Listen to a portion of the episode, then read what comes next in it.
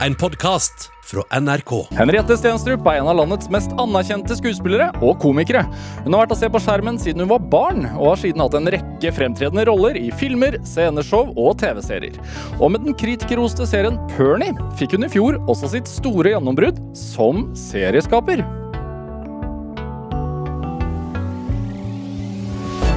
Dette er Drivkraft med Vegard Larsen i NRK P2. Henriette Stenstrup, Hei. hei. Velkommen til Drivkraft. Tusen hjertelig takk. Hvordan har du det? Jeg har det bra. Jeg ble, det hørtes ut som jeg hadde gjort så mye med den introduksjonen. Du har gjort masse. Har du, Ja. du har jo det. Føler du at du ikke har gjort masse? Ja, jeg, kanskje. Litt. Men når du sier det på den måten, så skjønner jeg at det er bare koketteri og fjoll. Jeg har jo det. Du ramset jo opp her både sceneshow og fjernsyn og film. Ja, det var mye. Mm. Ja, det var jo det. Er det sånn skuespillersjuke at man føler at man aldri gjør nok? Ja, det tror jeg. Absolutt. Det er litt sånn enten-eller. Enten jobber du for mye, eller så jobber du for lite. Ja. Det, det tror jeg er veldig vanlig. Og kanskje litt sånn frilanssjuke også. Ja. Mm. Men de som er, er, ikke du, er ikke du ansatt på Nationaltheatret? Ikke nå lenger. Nei, du har slutta, det. Ja. Ja, For de som er ansatt der, de føler vel at de gjør nok? Ja, det tror jeg. Men de kanskje igjen føler ikke at de gjør nok film, eller ikke sant. Ja, det er stadig noe. Det er spennende, spennende yrke. Ja, Hvordan er, eh, hvordan er kneet? Bedre, men ikke supert. Nei, fortell. Ja, nei, jeg har jo uh, Uff, vil du høre mye om helseproblemer? Litt. Litt, Nei, jeg har operert altså, når, kneet mitt. Når du kommer gående, så, så har du jo Du en ser den derre haltinga. litt, Fader. litt halvt er det. Jeg tenkte liksom at eh, jeg kunne ljuge litt, jeg nå. At jeg, klarer å skjule det. Men ja, jeg, jeg har tatt et kne. Flyttet uh, knestrukturen 14 grader. Veldig, veldig vondt. Og så tar det veldig lang tid å bli i orden igjen, så jeg driver og trener det opp, da. Flytta knestrukturen. Hva, hva, hvorfor gjør man dette her? Fordi man har uh, veldig vondt. Og jeg vil ikke anbefale noen å gjøre det med mindre de har ekstremt vondt i knærne. Men det er istedenfor å bytte kneet, sånn som alle må gjøre når de er 80, eller mange må gjøre. Fordi jeg har litt sånn eh, langt fremskreden artrose i ung alder. Ja. som er eh, litt sånn usøt diagnose. Men du kan bare gjøre det en gang gang, bytte kne. Så det er jeg litt for ung til. Ja. Men så har jeg litt for vondt å bare gå med det. Så har vi gjort en sånn utsettende operasjon. uh, hvor man har flyttet benet, fordi jeg har ikke brusk mellom ting. Så det er bare bein mot bein, sånn at det skal bli litt luft imellom. Da, på en eller annen måte. Ja, Vi må ringe kirurgen for å få detaljene, men det er i hvert fall eh, det jeg har gjort. Når gjorde du det? I september. Ja. Er, er det og hvordan er ståa nå? Ja, det tar mellom eh, Nå er det mye, mye bedre, og ikke vondt, men det tar mellom seks og tolv måneder å bli bra. Bra, bra. Ja. Og da, men når du sier det da, så tenker jeg at da har det gjort vondt lenge for å gidde å gå gjennom en sånn prosess. Ja, det er det. For det begynner jo å liksom gjøre litt vondt i knær. knær. Og så, når jeg møtte han jeg er gift med nå, så kunne vi jogge sammen. Og nå er det sånn at jeg må si sånn Ha det, da, du. Hvis vi skal gå på skitur eller tur. Og det er jo kjedelig, ikke sant. Hvis du går rundt Sognsvann, så må du liksom ha rekonvalesens i to dager. Det går jo ikke. Så det, var, altså det kom ganske brått, da. Vi kom- kom snikende. Det er familiært. Vi er en knesvak familie. Vi som Pernis-familie, og så uh, har det gått litt sånn hurtig de siste årene, da. Ja. Nedover. Men hvordan er det eh, Sånn som Pernie, eksempel, hvor du har jo stått for eh, eh, største delen av manus og alt sånt sjøl. Hvor, hvor viktig blir det å skri skrive inn en, en kneskade? Altså, det, når jeg skrev det inn i første sesong, så var det nesten litt sånn der eh, psykologisk forberedelse selv. På som, pluss at jeg syns at jeg hadde sett sjøl på film at jeg går litt rart. Ok? Altså at jeg, at jeg liksom Jeg så i Ragnarok Netflix, så går jeg ut av sykehuset med han sønnen min på et tidspunkt, og da så var det sånn stort bilde, og så tenkte jeg jøss, er det far min? Er det far min som går der? Som vi kalte for julevispen eh, før. Eh, vi har sluttet med det. Altså, han lever fortsatt, men det er eh, Ja. Men at du får litt sånn cowboygange. Så da tenkte jeg det her Hjulbeint, rett og slett? Ja, man blir litt hjulbeint. Ja. Mhm. Men eh, ja, så jeg skrev det på en måte litt inn, også fordi jeg tenkte sånn Kanskje folk lurer på Jeg tror ikke de ville gjort det, men ja. Ja. Og så er det jo en Jo mer trøbbel Pernie har, jo bedre er det. Så det er jo en ting jeg kjenner til. Så da skrev jeg inn det. Hvor vanskelig er det å gå foran en, på kamera? Nei, når du ser folk gjøre det, så tenker man jo det virker jo veldig vanskelig, da. Men uh, det er jo egentlig ikke så vanskelig. Det Nei. burde ikke være så vanskelig. Men av og til så kan de letteste ting være det vanskeligste. For eksempel det jeg syns er aller vanskeligst på film. ja. Skal jeg si hva det ja, er? veldig gjerne. Ja, det er å være på et kjøkken og late som om du bor der. Hvis du skjønner. Ja. Fordi når du er på ditt eget kjøkken, så vet du hvor absolutt alt er. Ikke sant? Kopper og glass og eh, bestikk og ting du skal bruke til å lage mat og sånn. Har du det sånn? Altså, er du veldig har du, du har orden på ditt kjøkken?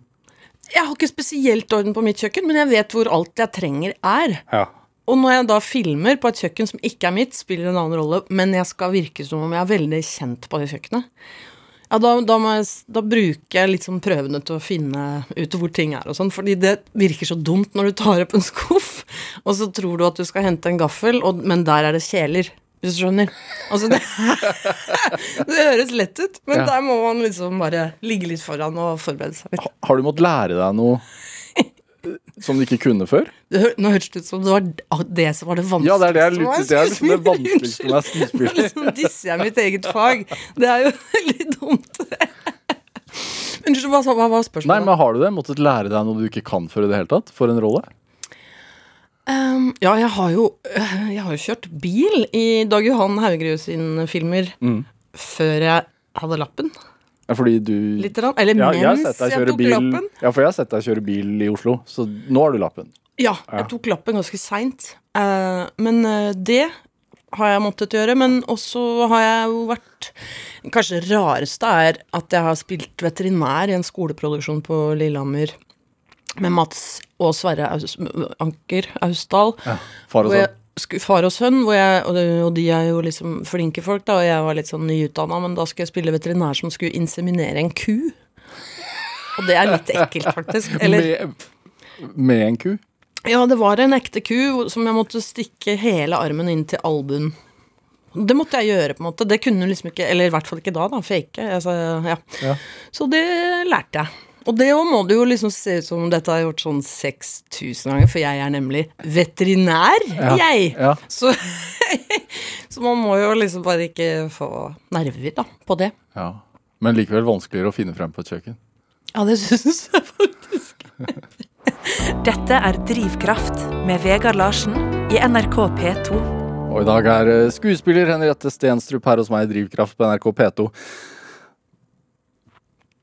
Pernie, Ja. ny sesong snart. ja, kommer nå i februar. Ja, du, du kan ikke si hvilken dato. Det får ikke lov. De er så strenge. Det er, Det er ikke så lenge til, da. ja, er det Altså, den serien eh, kom i hvert fall for meg som en overraskelse. Jeg visste ikke at den var under utvikling i det hele tatt. Jeg følger jo relativt med. Og så bare slo den meg i trynet og um, måtte binche det. Altså, det var så superbra. Og jeg var ikke den eneste som mente det. Den har vunnet masse priser og fikk voldsom oppmerksomhet og ble den best sette serien på Viaplay noensinne. Ja. ja, det var jo helt grens fantastisk, hele greia. Eh, hva har det gjort med deg? Stort spørsmål. Ja.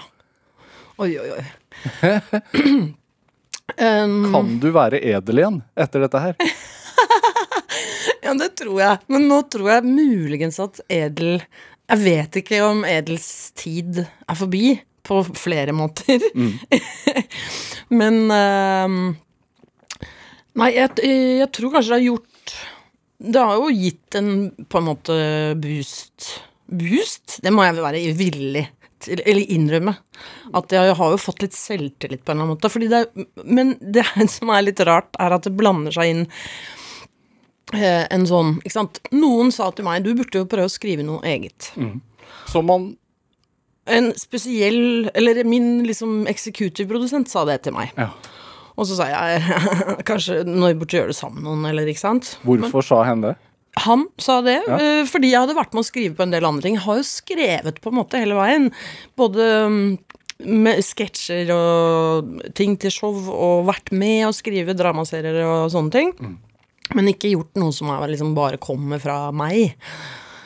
Um, og det er jo kanskje en sånn derre Det tror jeg kanskje jeg trengte å høre.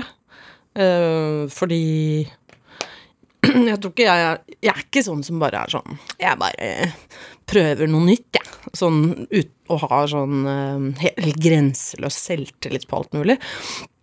Men jeg syns det er gøy å skrive, og så er jeg ganske god til å lese manus. Det må jeg få lov til å si. Hva, hva betyr det? Nei, at jeg føler at jeg kan lese manus som er mer eller mindre gode, og ha en ganske god analyse av de, og også kanskje av og til, hvis regissører og manusfattere syns det er greit, mm. eh, skru det til litt. Og stryke litt. Og liksom si kanskje noe Altså, det jeg mener litt om manus, da. Uh, både gode og dårlige. på en måte. Hvordan skal man gjøre det bedre? Eller makse ut dette manuset som allerede er bra. på en mm. måte. Har du eksempel?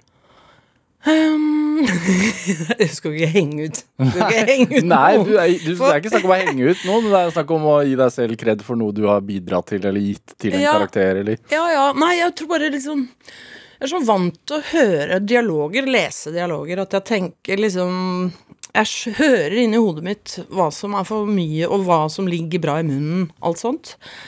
Og kan nok også av og til være sånn som eh, sier hva jeg mener til andre skuespillere. Det kan være sånn både òg, altså. Ikke, Min generasjon er jo glad i å liksom snakke sammen. Hvor, hvordan funker det her? Kan vi teste det? Liksom, hva om du? Og sånn. Men så er det jo noen som ikke er så glad i det, så det, da må man bare være litt musikalsk på en eller annen måte. Var det ikke sånn før? Nei, jeg lurer på om kanskje Jeg veit ikke, men jeg har følelsen av at um, det er min, ikke, mindre konkurranse, men mer sånn uh, at man liksom alle, skjøn, alle, skjønner at vi blir liksom best hvis alle er best, på en måte. Mm. Uh, og at det er ikke nødvendigvis sånn at én skal stå og skinne hele tiden, og at de andre må bare gå for lut og kaldt. Altså det, Og det er jo det jeg liker òg med teater og med um, og med humor. At man er en gjeng. Jeg har aldri drømt om å stå helt alene på scenen og bare dundre på med noen monologer og altså litt... reise land og strand rundt helt alene. det er i samarbeidet det skjer, liksom? Ja, det føler jeg. Ja. Det er liksom der det skjer. Og det gjelder jo for Pernie òg. Det manuset er jo ingenting før noen sier de ordene, og før noen Og det er, jo, det er jo helt magisk for meg, og helt nytt, da. Det er der den boosten kommer inn. Før det med at det var en suksess òg. At først så får du inn noen prøvefilminger på teip, mm. hvor noen sier det du har skrevet som er sånn Hæ? wow! det høres ut som det er noe noen kunne sagt. Og så får du sånn mail fra scenografen som sier sånn Hva tror du om dette motorsykkelemblemet? Og jeg bare hå, jeg har lagd en klubb! Altså, det er jo veldig gøy. Man liksom lager et univers. Eh, men det universet fins jo bare på A4-ark før alle de andre kommer inn og bidrar, da. Ja, Men forskjellen nå er at det er du som har laget det? Ja, på en måte. De realiserer jobber. liksom uh, de, de av fire arkene. Ja. Hva, hva, var det første du hadde i hodet? Altså sånn, hadde du en sånn tagline liksom i hodet? At dette er serien? Ja, jeg begynte med en tagline, faktisk, som var at største, det største hinderet for å være en god forelder er dine egne barn. Vi gikk litt bort fra den, altså. Men det var litt gøy sagt, fordi det er jo litt av kjernen er jo der fordi Pernie er jo dødsgod med barn mm. og med folk og på jobben sin. Hun jobber i barnevernet, blant annet. Hun jobber i barnevernet, og som selvfølgelig er ekstremt krevende og mangefasettert, men uh, her viser vi jo liksom én side av det. Men hun er en god barnevernsarbeider. Mm. Um, og så um, er det bare at når du, når du er med dine egne barn, så kommer jo alle følelsene i veien litt, på en måte. Uh, at, altså, det, det surrer i liksom gangsynet. Selv om jeg syns jo Pernie faktisk er en ganske god forelder òg, da. Uh, bedre enn meg, selv om hun er litt grenseoverskridende av og til. Eh, og, og, tar, og er hissig og tar det langt og sånn, mm. så er hun jo liksom tydelig. Det er ingen barn i det huset som tviler på at hun er der for dem. Um, men det var en slags tagline, og så uh, Hva er det vanskeligste med å være forelder? Um, jeg syns jo det at det, Åh, det er så mye, men jeg syns det er liksom Det derre ønsket om at de skal ha det bra, er så sterkt at du har det på en måte ikke noe bedre enn det barnet ditt som har det vanskeligst, på en eller annen måte. Um, så det påvirker deg så veldig. Uh, og så um, er jo det er jo bra, det er jo sikkert meningen fra naturens side at man skal ha et sånt instinkt.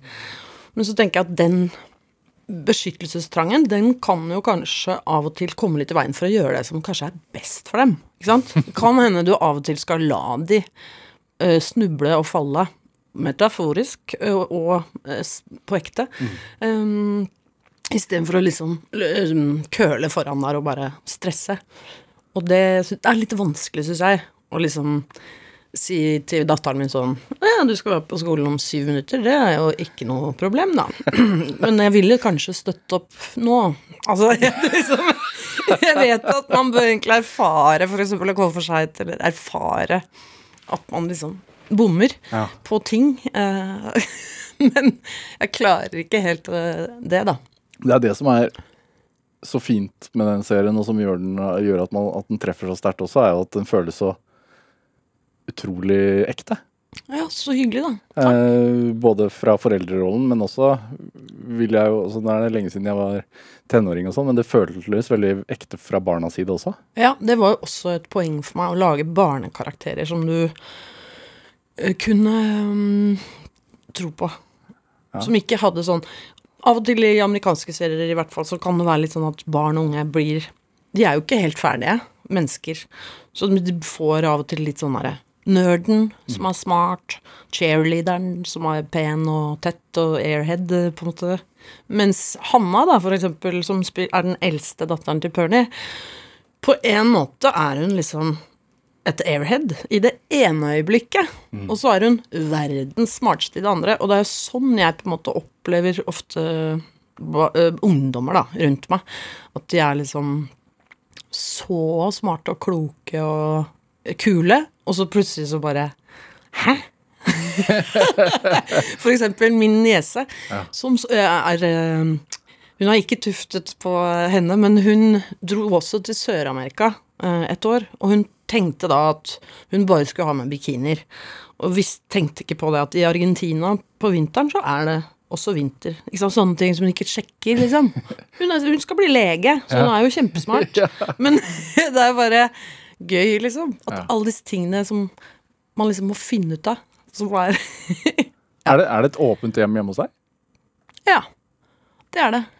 Jeg liker at de har med seg mye folk hjem. Ja, Hvorfor er det viktig? Det er en blanding av at jeg, jeg tenker sånn Hvis jeg har et åpent hjem for andre, så kanskje andre har et åpent hjem for mine òg. For av og til så trenger jeg jo det. Trenger jo rett og slett at noen kan, kan ha de på besøk ja. etter skolen fordi jeg ikke rekker hjem eller et eller annet. Um, men det er også fordi det er gøy da, å snakke med Jeg syns ikke det er, barn er så gøy fram til liksom Unnskyld, du har jo små barn, men det er gøyere å snakke med de etter hvert. um, og da syns jeg det er liksom gøy å bli kjent med vennene til barna mine.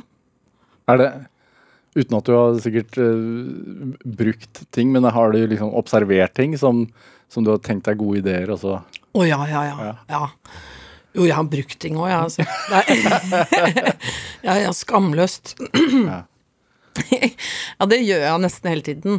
Det er, men det er jo litt sånn der fordelen med å ha blitt liksom at mm, Begynne å tenke på seg selv som manusforfatter. For da er det liksom alt jeg opplever av ydmykelser og skam, kan eh, potensielt bli en scene en eller annen gang. Til noe.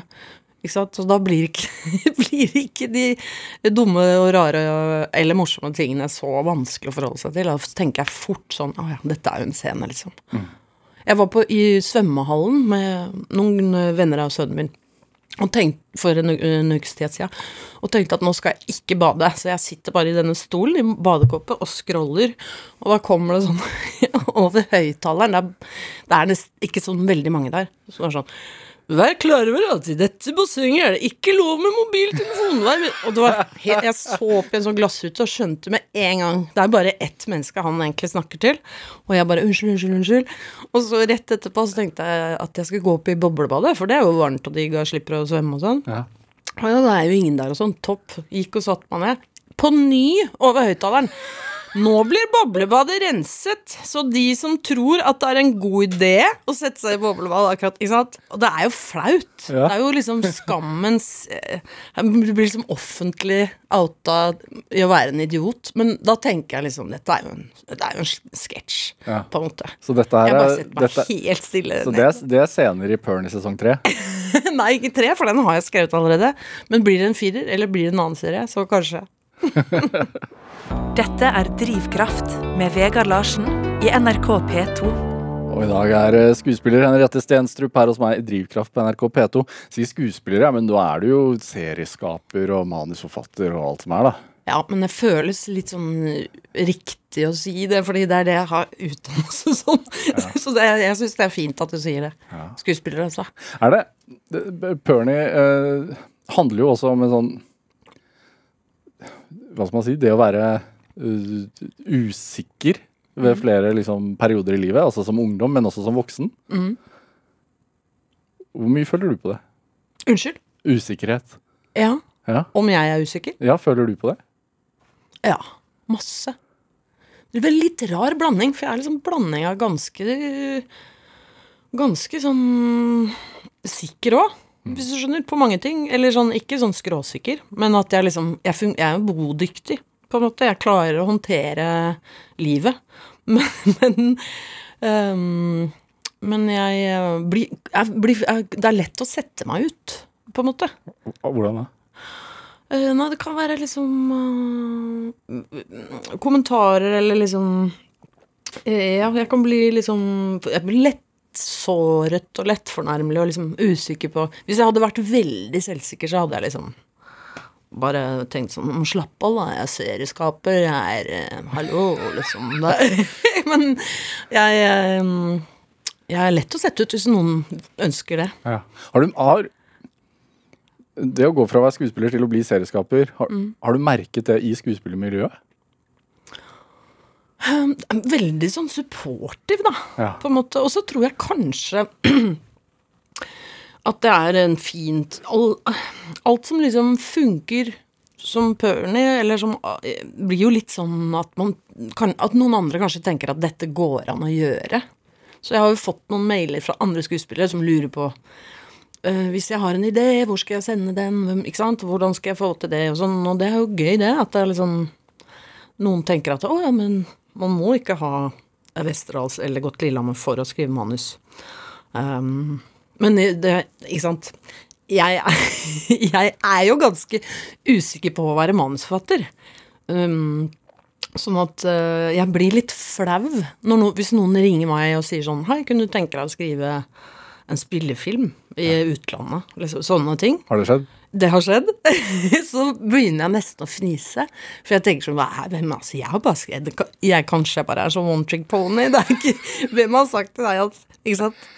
Men jeg må jo ta det på alvor, da. Og må ta meg selv litt på alvor. Ja. Ja. Eh, og si sånn Very nice offer. uh, let me think about that. Litt rann, og sånn. Ja. Hva ble svaret, da? det ble nei. Det ble et nei. Ja, men det var litt sånn heldigvis så hadde jeg ikke tid. Hvis du skjønner. Hvor, skri hvor skriver du? Åh, overalt. Altså, Pørn i sesong én har jeg skrevet på sånn Egon på Ullevål. Um, hjemme i sofaen, på tog i Odda, mens jeg satt på hotellrom på Ragnarok Netflix sesong én, liksom. Um, ja, jeg liker egentlig ganske godt å skrive på kafé, faktisk. Etter hvert også litt kontor, altså på Monster, som produserer. Men må du tvinge deg til det? Eh, ja, på én måte. Men Og særlig nå, kanskje i sesong tre, hvor jeg både egentlig var rekonvalesent og kanskje tenkte at nei, jeg har ikke mer å gi. Jeg er tom. Jeg har skrevet to sesonger. Unnskyld meg. Går det an å skrive mer om denne familien, på en måte? Ja. ja, for da er det jo hele tiden en sånn avveining sånn tynner jeg det ut? Eller er jeg Ja, tro mot ideen? Jeg vil jo liksom? ikke det. Jeg vil jo at det skal oppleves fresht. Og samtidig så er man jo blitt glad i de karakterene, så det er jo ikke sånn Man skal ikke være livredd for å gi folk mer av de, men det må ikke føles repetativt, ikke sant?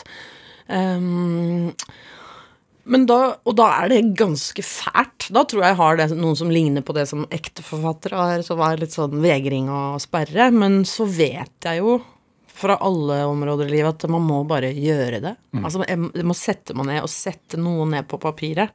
For alt som eventuelt er inni her, er ingenting før jeg begynner. Og så bare begynner jeg, på en måte. Er du, hvor strukturert er du? Sånn ellers, også i sånne jobbsammenhenger? Jeg tenker at i jobbsammenheng er jeg strukturert på en ekstremt rotete måte. Hva, hva betyr det? Det betyr at jeg tror jeg kan sk Jeg skriver for eksempel manusene ganske sånn fort. Mye fortere enn folk kanskje forventer av meg, hvis du skjønner. Um, men det innebærer også at det er en del At det mangler en del punktum og stor bokstav. Og uh, sånne ting som min far, norsklæreren, liksom ville stusset ved at jeg dreiv med. Men, uh, og at det også krever en viss sånn oppstrukturering etterpå, da. Og um, men eh, jeg tror Jeg må liksom jobbe sånn. Jeg klarer ikke så godt sånn Post-It-lapper opp, og så liksom begynne å skrive. Jeg må begynne et eller annet sted som kjennes sånn i magen. Å, dette er gøy. Eller dette er en fin start på en scene eller noe. Og så bare baller det litt sånn på seg. Men jeg får gjort ting på jobb. Eh, og jeg får også gjort ting hjemme, men der også på en ganske rotete måte. Hva vil jeg si? Nei, altså, det er middag og matpakker, og alle har med ting til turdag og sånn hjemme hos meg. Men det er litt tornado etter meg, hvis du skjønner. Hvis jeg har tatt et skap opp og eh, lagd eh, solbærtoddy i termos, så er jeg ferdig. Da trenger ikke jeg å lukke den skapdøra igjen, hvis du skjønner. Da er jeg videre til neste, det som er viktigere, på en måte. Og der eh, taper annet rot ofte for hva som er viktig. Det, det er en god vurdering, syns jeg.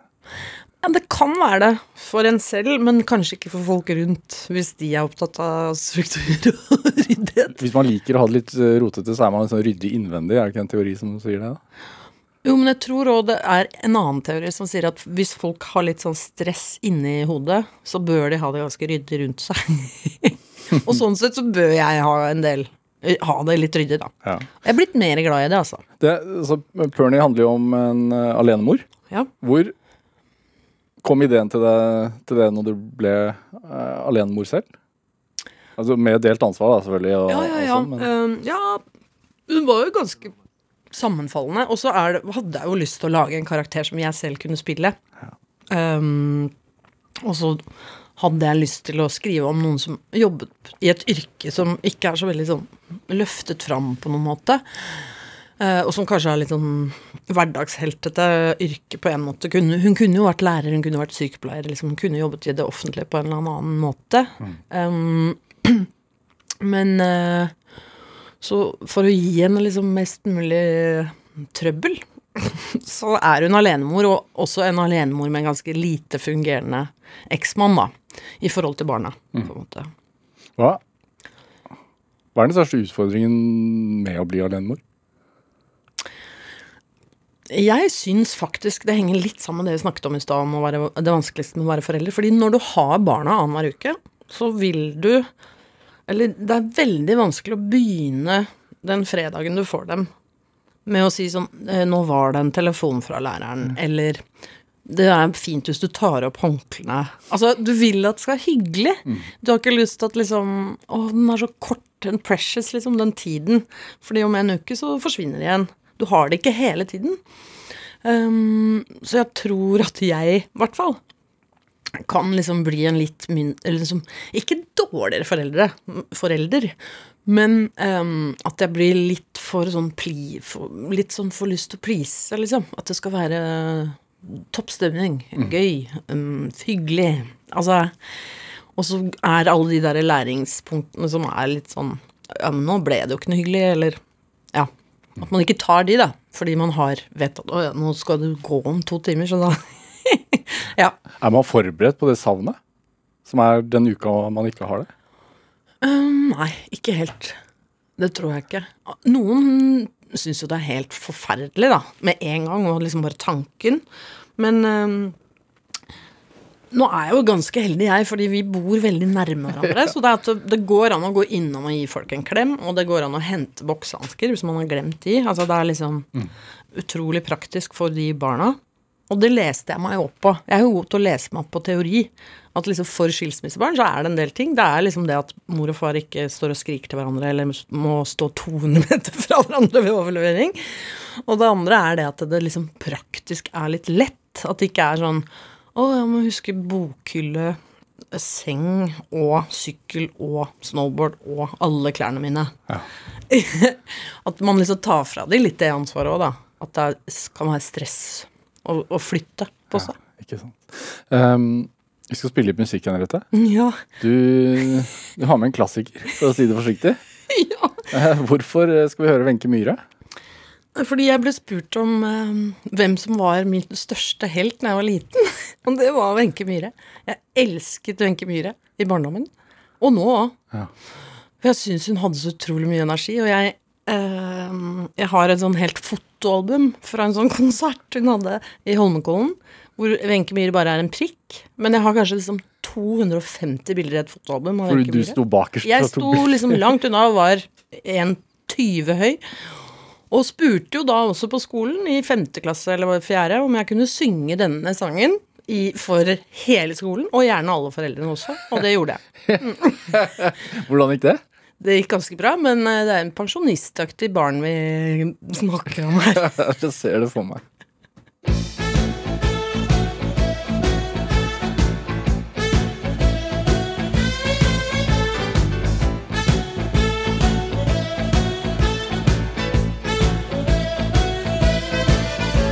Jeg vet det blir skandale, men jeg sier det like ut. Når jeg blir 66, har jeg tenkt å frike ut.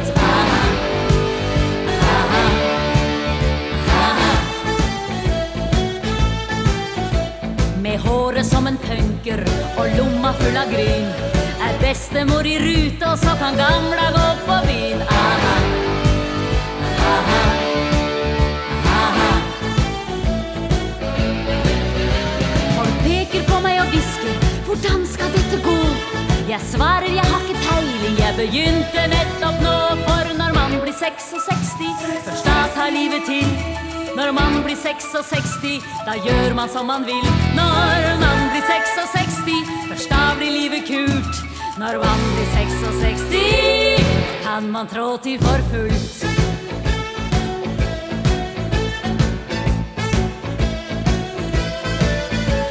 Jeg kjøper motorsykkel for pensjonen jeg fikk Og raser gjennom byen på min 1200 kubikk.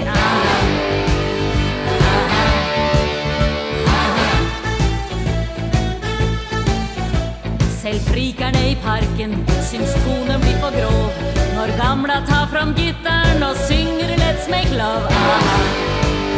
Så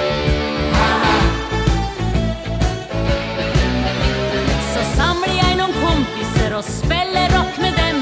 Så naboene klager over bråk fra gamlehjemmet For når man blir 66, først da tar livet til. Når man blir 66, da gjør man som man vil. Når man blir 66, først da blir livet kult. Når man blir 66, kan man trå til for fullt. Trå til for fullt Jeg liv i gubben Hei, ditt gamle nek Ja, du fikk eh, Wenche Myhre med 66 her i Drivkraft på NRK P2, valgt av dagens gjest her i Drivkraft, nemlig skuespiller og serieskaper Henriette Stenstrup. Det er Hvor er du når du er 66? Eh, Nei, nå må vi jo jobbe til vi er 74, må vi ikke det? Eh, jeg vet ikke. Jeg håper jeg har litt bedre knær og går på ski og på Sjusjøen der og jobber fortsatt. Ja. Men hva Du sang dette her sånn hvor gammel var du, sa du? Jeg tror ikke jeg var mer enn sånn sju-åtte år, ass. Ja. Hva var, var scenedrømmen allerede en realitet da? Ja, der er jeg litt sånn klisjé av en unge som hadde lyst til å opptre for folk ganske tidlig. Jeg spilte jo også klassisk gitar, må vite, mm. fra jeg var seks år til jeg begynte på videregående. Var ganske god. Um, og det, var en, det er det ene som moren min hadde, har litt dårlig samvittighet for. For jeg dro, gikk faktisk aleine fra Hovseter til Grünerløkka. Gikk ikke, da. Tok buss og trikk. Fra jeg var seks år. Hvor langt er det for de som ikke veit? Altså Det er jo da T-bane sju stopp, og så er det 20-bussen fra Majorstad bort til Grünerløkka, og så er det å gå gjennom Sofiemarparken. Og jeg mener øh, Jeg opplevde aldri det som noe skummelt, eller noe sånt, men mine barn har jo aldri gjort noe sjøl før de er sånn 10-11, da. Da må de begynne å liksom uh, komme seg opp til treningsfelt og sånn. Men du Eh, ville dette? Ja, jeg tenkte aldri over at Oi, det var ikke dette litt Er ikke dette barnemishandling å sende meg Jeg, synes jeg var dødsstolt med en altfor stor gitar og bare Så ble jeg jo henta etterpå. Hva er det du likte med det, da? Jeg tror jeg følte meg så stor, liksom selvstendig, sånn øh, ja, ja, jeg spiller gitar, ja. Jeg var litt fornøyd med det. Ja. Liksom, ja, Stemmer det, folkens, på trikken her. jeg er ikke fremmed for uh, gitar. Uh, og så var det det å liksom komme seg fram aleine. Ja. Det var liksom Å få til det, det likte jeg. Men var du tidlig selvstendig? Ja, det tror jeg. jeg Tror jeg var ganske sånn glad i å få ting til å skje sjøl, ja. Er det Hovseter, hva slags plass er det? Eller hvordan var det da du vokste opp? Hovseter er jo en, et borettslag som er Det blir kalt for vestkantens østkant. Og det er jo litt sånn flåsete, men det er jo fordi det ikke er så veldig mange blokkbebyggelser på vestkanten. Men det er en av de, og den ble vel bygd omtrent det året eh, jeg ble født, eller noe sånt, altså på 70-tallet. Vokste dere opp i blokka? Hva sa du? Vokste dere opp i blokka? Vi vokste opp i blokk, ja. Um, og så um, Men så ligger det jo også klemt mellom Holmenkollen på en måte, og Røa og Makrellbekken, som er ganske ressurssterkt. Så det bor en del Der det ikke er blokk. hvor det ikke er blokk. Ja. Um, ja. Så det var, det var litt sånn der blandingsmiljø hvor det var noen uh, med litt sånn Henry Lloyd-jakker og eh, Som bodde i Holmenkollen, og så var det en del som bodde på Hovseter, som gikk på klubben og spilte i band og spilte snuker på fredagene, liksom. Og jeg hadde litt sånn bein i begge, begge leire. Hva, hva, hva fører det til, tror du? Um, jeg tror det er bra at det er litt blandings. Um, fordi, både fordi man ser at folk har det litt forskjellig når man vokser opp. At noen har alltid det nyeste, og noen har ikke matpakke, på en måte. Um, og det tror jeg liksom er greit. Å ikke- utvide verden litt og skjønne ganske fort at um, det finnes forskjellige oppvekster, og det finnes forskjellige familier.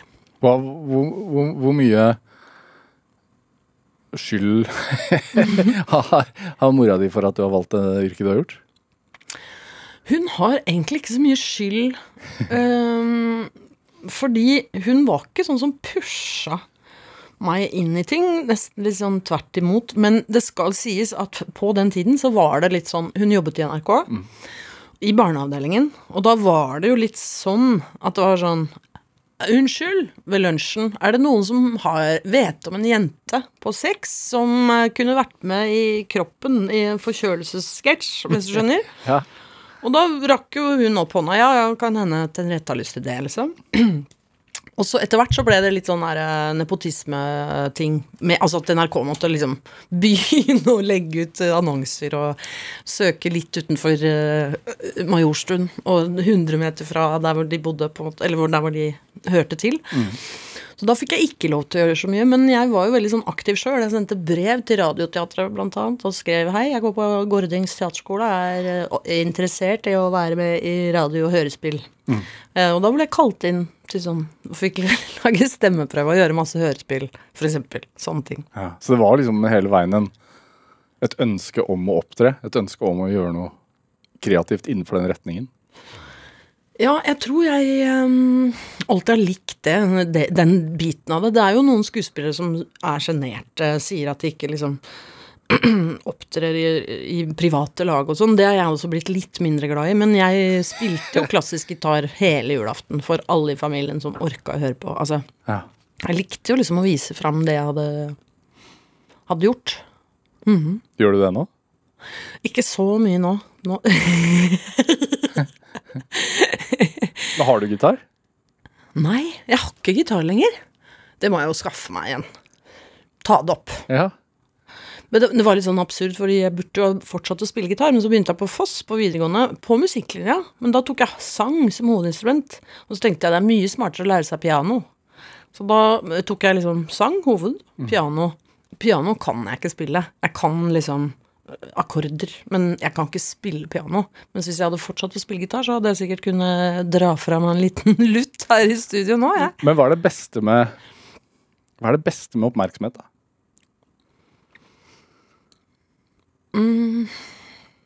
Åh, Vanskelig spørsmål. Det er jo egentlig, helt ærlig Altså, oppmerksomhet i seg sjøl er ikke noe viktig. Men liksom å um, for eksempel få folk til å le eller grine, det er jo helt magisk. Topp. det er jo forferdelig hvis de ikke gjør det, selvfølgelig. Ja. Men det er jo veldig gøy. At du liksom har den muligheten på en eller annen, vil få, bli gitt den muligheten, da. Og vet liksom, når jeg sier den replikken Da, kom, da kom, skal de le. Eller da skal dette skje. Det er jo en liten sånn ehm, Ikke makt, men det er liksom noe gøy i det, da. Det å grå, få, få noen til å gråte høres jo ikke så gøy ut, men, Jo, det, men det at de blir beveget, da. ja, det er jo forløsende å se på noe med et filter imellom seg som ikke handler om deg, og få lov til å slippe ut eh, det du har. Ja. Ja, det tror jeg. Når har du opplevd det? Nei, med Pernie, for eksempel, hvor jo en av målene absolutt var å lage noe som var både veldig gøy og veldig trist. Um, så sitter jo ikke jeg sammen med folk i stua deres og ser det, men det er liksom tilbakemeldingene, at man folk både gråter og ler. Og det, det, er, sånn, det er det jeg ville de skulle. da har jeg liksom fått til noe, da. Ja. Stemmer det at du er monoman? Ja, jeg kan bli litt monoman. Ja. Hvordan arter det seg? Ja, det arter seg på litt sånn rare vis, men eh, det kan f.eks. være at når jeg eh, hadde tatt kneoperasjon, så fikk, var jeg ute og lufta meg én gang, mens jeg egentlig ikke burde det, da. Eh, og da var fordi det var den seriekritikerprisen, og den skulle jeg på, liksom. Det var bare to uker etter, og jeg hadde stappa i meg masse smertestillende og sånn. Og da var vi Som du vant. Ja, som jeg vant, ja. Ja. Ja, takk for det. Det var, det var ikke Det var den, det var var den ballen du sendte meg, var det ikke det? Jo. Men da var vi et sted og spiste sardiner før den um, prisutdelingen. På et litt sånn matbarsted som heter Nektar, som var rett ved Blå. Og så etter det så fikk jeg helt sånn hangup på sardiner, så nå har jeg spist sardiner i fire måneder. Hvor ofte? Nei, til frokost, på en måte, da. Og lunsj, hvis jeg ikke er på et sted hvor det er lunsj, eller hvor jeg. Ja. Så det liksom får litt sånn hangup. Men det er jo det som er dumt med det. I boksform, eller? Boksform, ja. Ja. I olje. Ja. Mm. Bare Oscars. sardiner på brødskive? Ja, ja, topp. Kjempegodt. Og egentlig jeg har vært glad i makrell i tomat og har bytta ut det med sardiner. Det som er dumt med å bli monoman på sånne ting, er jo at du kan På et eller annet tidspunkt så blir du litt lei. Ikke sant? Det er litt sånn at du skal trene seks ganger i uka, Ja. og så gjør du det i to måneder, og så jeg Jeg har trent nok, jeg nå, i livet mitt. Hvis du skjønner. Det er jo ikke en gyllen middelvei å holde på sånn. Så sardiner vet det kanskje ikke ennå, men de går en ganske døv skjebne i møte. De kan ikke Hjemme hos deg? Jeg er ikke blitt lei ennå. Men er det, kan det være en god egenskap også? I for, altså sånn eh, Ja, det tror jeg. For jeg tror eksempel hvis du blir interessert i noe, så øh, bruker du tid på å bli god i det, eller opptatt. For eksempel så fikk jeg plutselig sånn hangup når jeg ble 40 at jeg skulle lære meg å spille tennis. Eh, Og nå må jeg bare si med en gang at jeg er ikke blitt god i tennis, men da la jeg mye innsats i å øh, lære meg tennis. ja. Da tok jeg timer og kurs, og jeg må ha ganske gode slag, da, siden jeg har så dårlige knær. så jeg, nå er jeg litt spent, for jeg har ikke spilt på over et år, så da skal jeg prøve å se om jeg kan stå helt stille og slå de som jeg pleier å spille med. Men er, er det også for å utfordre deg selv med nye ting? Altså for å Ja, på, ja, men der er jeg ikke så sterk. Jeg er ikke noe eventyrlysten. Jeg for ikke, liker ikke å reise så godt. Hvorfor altså sånn nei, ja, Da blir jeg litt sånn 66. da blir jeg litt Jeg det er mye sånn stress rundt det med reising. Så, jeg jeg er full av beundring. Jeg har jo vennepar som er sånn Ja, vi tok med tre unger til India og kjørte tog gjennom hele, og det var helt rått. Og så skjønner jeg at det var helt rått? Ja. inni meg. Eh, Men det er ikke noe jeg drømmer om. Jeg ser for meg skrekkscenarioene og magesyken og liksom alt som kan skje. Aldri hatt lyst til å dra til Thailand, for eksempel, etter at det var tsunami der. Tenkte liksom, dit skal vi ikke. Ja, Så det er mange verdensdeler jeg ikke har vært i. Fordi at du tenker verst tenkelige Scenarios. scenario? Ja, kanskje litt det, og litt latskap òg. At det er liksom Nei, jeg drar der, drar der hvor jeg er vant til. Hvor jeg vet at der er butikken, og der er sånn Ja. Ja, fordi du virker jo ikke redd for å ta risiko. Nei, på noen ting, men ikke på det, da. Sånn Jeg håper at barna mine blir litt mer eventyrlystne, da. At de får lyst til å sånn reise et år. Hvis du skjønner? Ja, veldig miljøvennlig å la være, da. Ja. Men er det sånn eh, klassisk gitar og, og, og hva, Når var det komikeren ble født? Den kom litt sånn eh, nesten litt ufrivillig på en måte, fordi mm,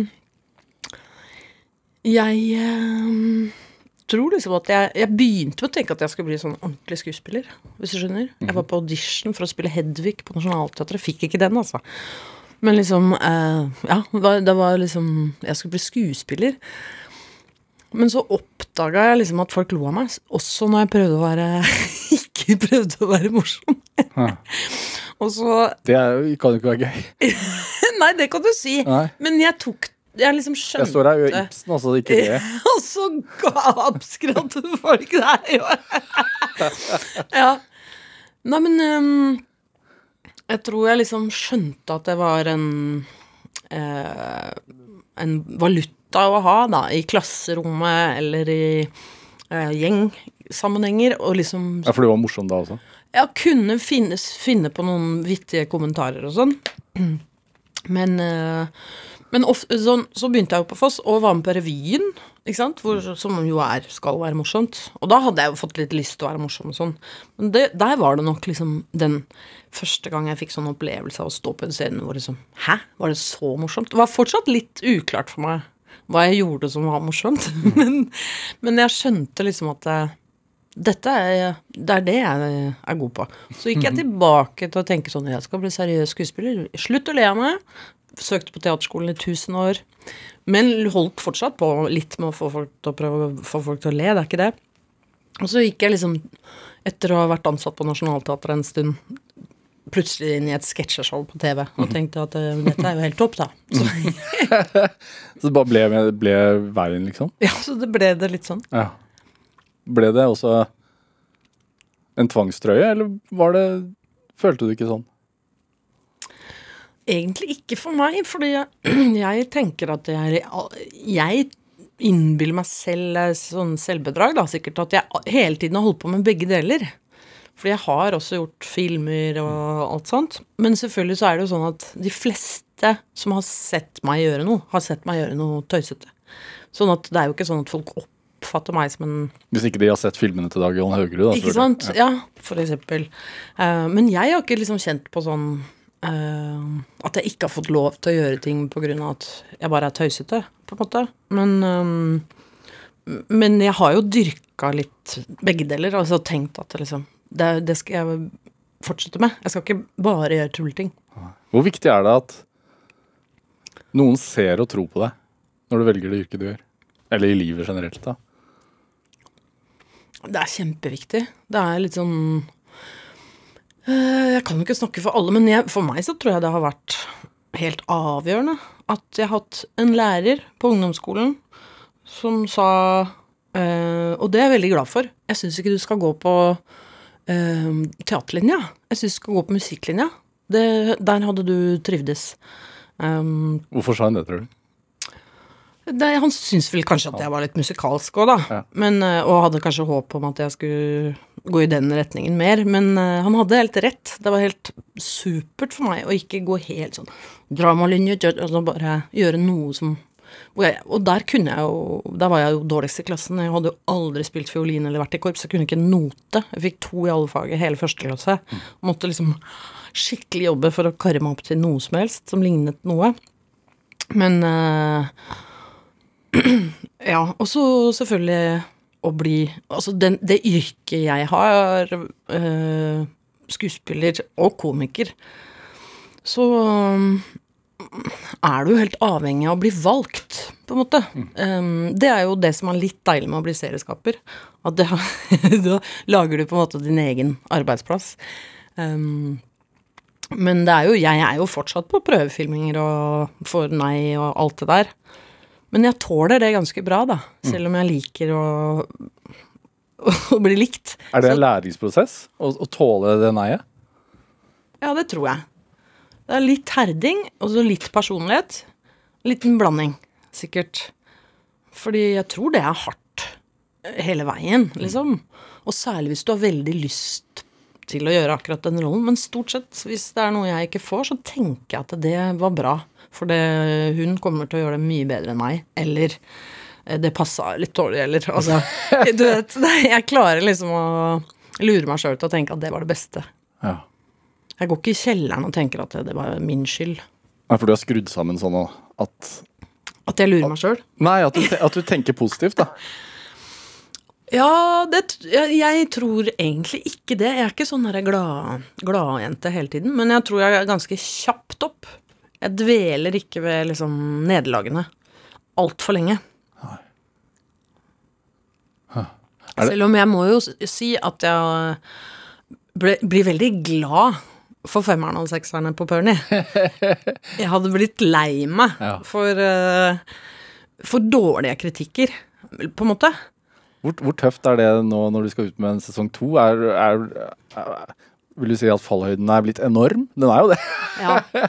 Det, det er jo noe helt annet å sitte og skrive sesong én av Pernie under været. Ingen vet det, er bare meg og en til i hele verden, på en måte. Eh, Det er liksom bare en overraskelse eh, at det kommer noe fra den hånden. Em, til at det nå på en måte er folk som gleder seg til den sesong to kommer. og da er jeg jo selvfølgelig veldig katastrofeforberedt på at eh, noen kommer til å bli skuffet. Og så har du fått ny mann i mellomtiden, og så, så det skjer jo liksom I serien? Nei, i livet. Og så det- Ja, han var med, har vært med egentlig hele veien. Han var med hele veien Ja, fra sesong én også. Ja, det er ikke sånn at livet har forandret seg veldig underveis i skrivingen heller. Nei da, nei, Nei. det har det ikke. Uh, nei da, jeg var ikke uh, alenemor sånn som Pernie er det, når vi lagde sesong én. Hvordan er det, tror folk at det er du som er Pernie? Det er i hvert fall det spørsmålet eh, som folk stiller mest, kanskje. Hvor mye av Pernie er det i deg, eller omvendt. Um, men um, jeg, jeg tenker at folk det, alle, det folk tenker aller mest, er at de er Pernie. Hvis du skjønner? At de kjenner seg igjen i Pernie. Og det er jo det gøyeste. Sier de det? ja, de sier sånn 'je suis Pernie'.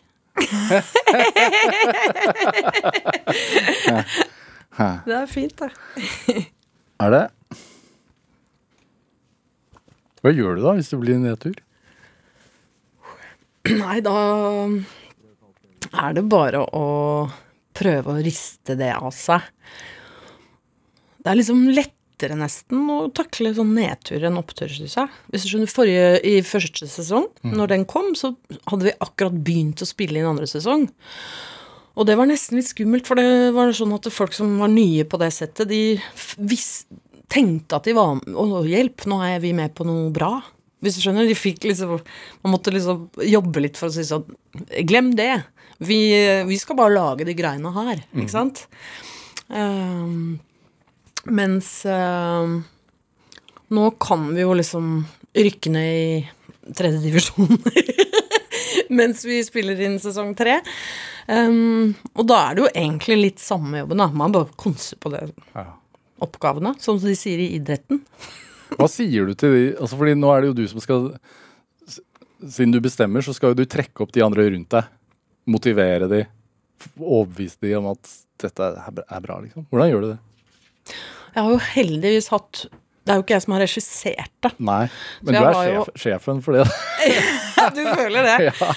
Ja, men på en måte ikke. Det var jo liksom noe av det som overraska meg litt. At det var lett for meg å gi det materialet til Gunnar Vikene i første sesong og si jeg stoler på deg 100 du gjør det som du vil.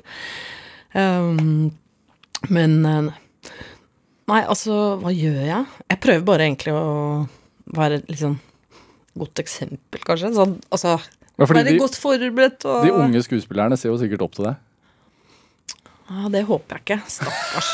Men De er jo så gode.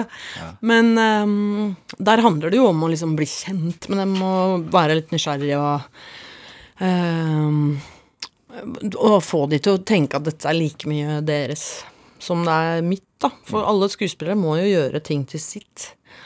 Så, og de må jo i hvert fall det. Og lære seg å gjøre det kanskje òg, hvis de ikke har gjort ting før. Henriette Stenstrup, hva, hva, hva tenker du er drivkraften din?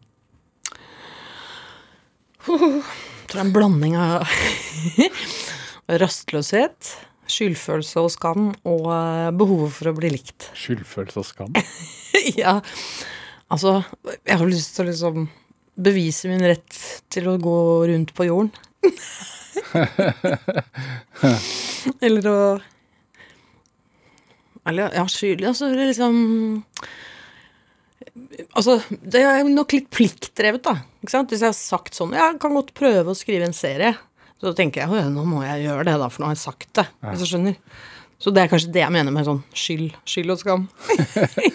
Tusen takk for at du kom inn til Drivkraft. Det var hyggelig. Tusen takk for at jeg fikk komme. Hør flere samtaler i Drivkraft på nrk.no eller i appen NRK Radio. Send oss gjerne ris og ros og tips til mennesker du mener har drivkraft. Send den e-posten til drivkraft, krøllalfa, Vi hører gjerne fra deg. Produsent i dag var Tobias Brynildsbakken Huse. Heidi Andersen gjorde research, og Anne Sofie Stang bidro også sterkt til denne sendingen. Jeg heter Vegard Larsen. Vi høres. Du har hørt en podkast fra NRK. Hør flere podkaster og din favorittkanal i appen